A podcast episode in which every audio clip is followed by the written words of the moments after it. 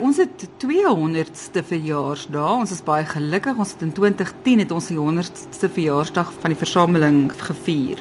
Dit was want Florence Phillips, die vrou wat eintlik verantwoordelik is vir hierdie hele gebou en alles, het begin werk versamel voordat sy ehm um, die gebou begin bou het want daar was nie genoeg geld gewees nie. So in 2010 het ons 100 jaar van die versameling gevier en nou vier ons 100 jaar van die gebou. Die gebou is of 'n gedeelte van die gebou is blootgestel in in 1915 en nou is ons 2015. So dit is die geskiedenis daarvan. Sy vertel hoe die gebou ontstaan het en of hy oorspronklik as 'n galery gebou was. Ja, nee, hy was absoluut gebou as 'n galery spesifiek.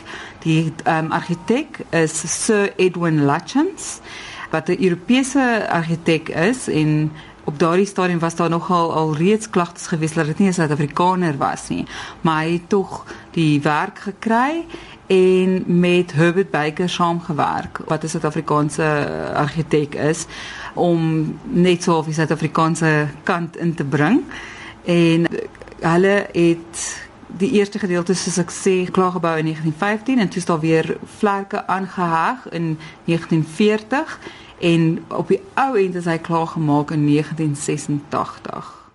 Antoinette beskryf toe die gebou en deel van die uniekhede wat voorkom met die ontwerp en bou daarvan. Die gebou van Edwin Legends is 'n nuwe klassieke gebou en die twee geboue hoe hulle by mekaar aanpas van die nuwe argitekte Meyer Pinaar in 1986 het toe nou van 'n postmoderne um oog gekyk na die na die klaarmaak van die gebou maar dit nog steeds dieselfde footprint gebruik as wat Edwin Lutyens gebruik het. So dit is twee geboue wat bymekaar kom wat twee verskillende style het en uh, Meyer Pinaar het byvoorbeeld in plaas van 'n groot sandsteenblok het hulle 'n uh, vier bakstene gebruik. So dit dit match op die die klassieke sandsteenblok en dan die vier bakstene op mekaar. So hy het allerlei sulke goeders probeer um, maak dat die die een by die ander ene pas. Die suidelike kant in 'n U-vorm het eers gekom. Dit is waar die treinspore ook lê en toe aan die weste en die oostelike kant is die vlerke aangebou en dan is dit die noordelike kant wat nou finaal aangebou is in 1986. In die galery word verskillende uitstallings in aparte dele van die galery gehou. Antoinette vertel van die spesifieke temperature en toestand waarin die kunswerke gehou moet word en of dit afdelingsspesifiek is of nie. Ons noem dit IMT International Museum Standards. Dit moet volgehou word deur alle museums wêreldwyd en dit is gebaseer op temperatuur, humiditeit en beligting. Die kunswerke moet ten alle tye teen uh, omtrent 20 grade Celsius gehou word of as dit nie teen 20 grade Celsius gehou kan word nie, moet dit ten minste 'n stabiele temperatuur wees. Wat al is 21 dan moet dit net 21 bly of wat ook al die geval mag wees.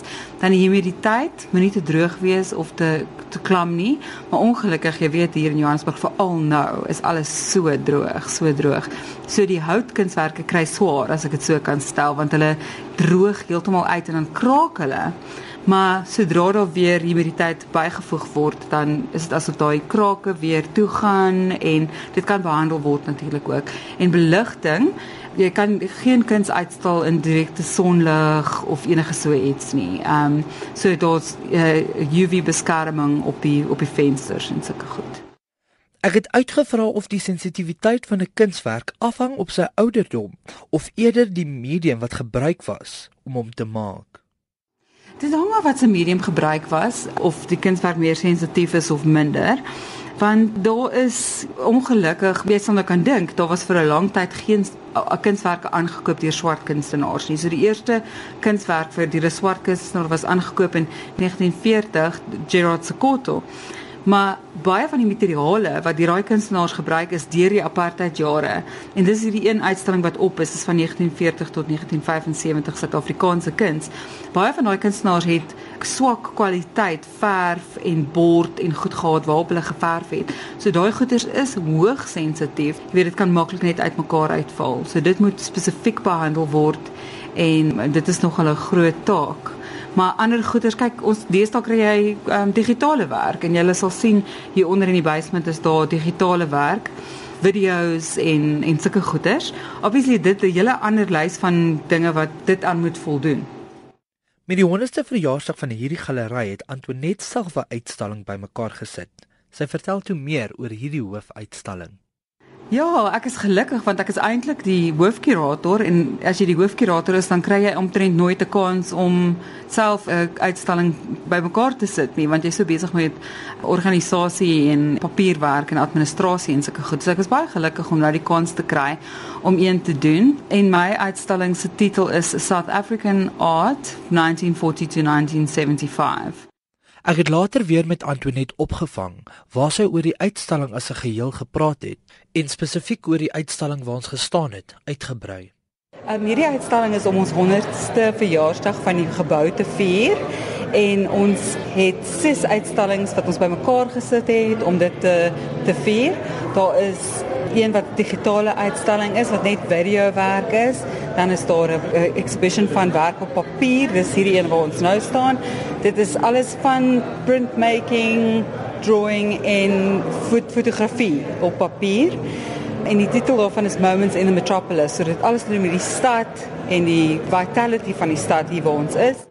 Antoinette vertel toe waar die kuns vandaan kom vir hierdie uitstalling en wie dit aan mekaar gesit het, asook oor die doel en die boodskap wat die Johannesburg Kunsgalery aan die publiek wil oordra. Hierdie uitstalling se spesifiek is almal van die versameling van die Johannesburgse Kunsgalery. So daar's nie 'n enkele werk wat hier op die mure gesien kan word wat ons nie besit nie. Dis alles in ons in ons versameling en dit is deur ons interne kurators bymekaar gesit, ja. Ons wil hê die publiek moet betrokke raak. Ons kry heelwat telefoonoproepe van hoe kyk hoe vuil is dit rondom die galery en um, hoekom lyk die tuine so sleg en dit en dat en die ander ding. Ehm um, maar ek wil hê mense moet almal inkoop. Dit is nie my galery nie, dit is nie die personeel se galery nie. Dit is hierdie gebou is gegee aan the city of Joburg and its people. En dit die people moet begin betrokke raak en bydra en ek dink vanaand is 'n baie goeie kickstart vir baie goeie dinge om te volg. Want mense dink ek wat lanklaas hier was, het gekom. Ek weet van mense wat hier was vanaand wat ehm um, nog nooit hier was nie. Nou ken hulle die pad. Hulle moet weer kom. Daar is baie juwele om na uit te sien. Sy vertel toe hiervan as ook van die publiek se gunstelingwerke. Ek dink dit is beslis die moeite werd om ons encore exhibition te sien. Dit is 'n uitstalling van die publiek se gunstelingwerke wat hulle altyd vra as hulle hier kom, waar is die Picasso? Ek wil die Picasso sien of ek wil die Monet sien. En ons het dit op een uitstalling gesit sodat mense dit kan kom kyk. So ek dink definitief die Picasso moet gesien word en sommer langs hom hang Penny Siopis wat een van ons local kunstenaars is en dit is ook 'n baie groot gunsteling van die publiek Melancholy wat gesien moet word. Dan staan groot Dumilifeni drawings. Ek dink hulle is omtrent 3 meter hoog by 1.5 meter wyd. So hulle is baie impressive. En so kan ek aangaan en aangaan. Daar's baie. In die hoofuitstalling getitel Suid-Afrika tussen 1940 en 1975 is daar ook werke wat baie verskillende mediums bevat. Antoinette vertel hoekom die werke gekies is om deel te wees van hierdie uitstalling. Daai uitstalling spesifiek is een wat ek die kurator was van en dit het begin deur te kyk na die groepe. Ons het net nou daaroor begin praat. Ehm um, dit het begin deur na die groepe Polly Street en Rockstrip te kyk wat 'n stedelike en 'n buitestedelike groepe was vir swart mense gedurende die apartheid tye En dis hoekom ek daai tydperk gekies het 40 tot 75 want dit dit dis representative van groot klomp goed wat in Suid-Afrikaanse kuns gebeur het. Maar ek het dit weier as dit gemaak en na die ander mense gekyk wat ook gedurende daardie tyd kunswerke gemaak het, soos Maggie Lobsher en Emma Stern en Pierneef en al die wit mense. En omdat daar 'n tydlyn deur die hele uitstalling hardloop, is daar byvoorbeeld goeder soos wanneer die nasionale regering in in bewind gekom het. En dan kan jy kyk na daai daai gebeurtenis en dit vergelyk met die kuns op die muur. Want terselfdertyd as wat dit gebeur het in Suid-Afrika, wat het gebeur in die kunswêreld?